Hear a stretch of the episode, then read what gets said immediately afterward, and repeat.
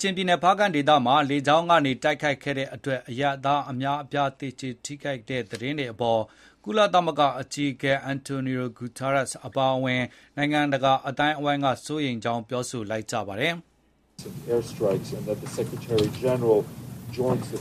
“ကချင်ပြည်နယ်မှာ လေကြောင်းက တိုက်ခိုက်မှုကြောင့် အရပ်သားအများအပြား ထိခိုက်သေကျေခဲ့တဲ့ သတင်းတွေနဲ့ ပတ်သက်လို့ အသေးစိတ်ကို စိစစ်နေတဲ့ တချိန်တည်းမှာပဲ ဒီသတင်းတွေအပေါ် အထူးစိုးရိမ်ကြောင်း မြန်မာနိုင်ငံဆိုင်ရာ ကုလသမဂ္ဂရုံးနဲ့အတူ အတွင်းရေးမှူးချုပ်က ပြောဆိုလိုက်ပါတယ်။အတွင်းရေးမှူးချုပ်ရုံး ပြောခွင့်ရပုဂ္ဂိုလ် Stéphane Dujarric က နယူးယောက် ကုလသမဂ္ဂရုံးချုပ်မှာ တနင်္လာနေ့ သတင်းစာရှင်းလင်းပွဲမှာ ပြောဆိုခဲ့တာပါ။တနင်္လာနေ့ အစောပိုင်းမှာပဲ ကုလသမဂ္ဂ မြန်မာနိုင်ငံဆိုင်ရာရုံးက ကြေညာချက်တစောင် ထုတ်ပြန်ခဲ့ပြီး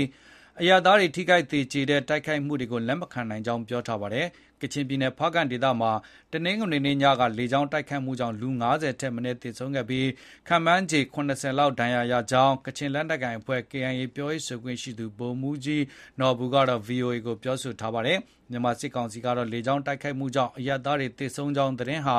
မမှန်ကန်ကြောင်း ငြင်းဆိုထားပြီး KIA တပ်မဟာ ၉ အခြေစိုက်လှုပ်ရှားတဲ့နယ်မြေက စစ်ဆင်ရေးအတွင်း ကချင်လက်နက်ကိုင် အဆင့်မြင့်တပ်မှူးတွေနဲ့ PDF အဖွဲ့ဝင်တွေ သေဆုံးခဲ့တာဖြစ်ကြောင်း တနင်္လာနေ့မှာ ထုတ်ပြန်ထားပါတယ်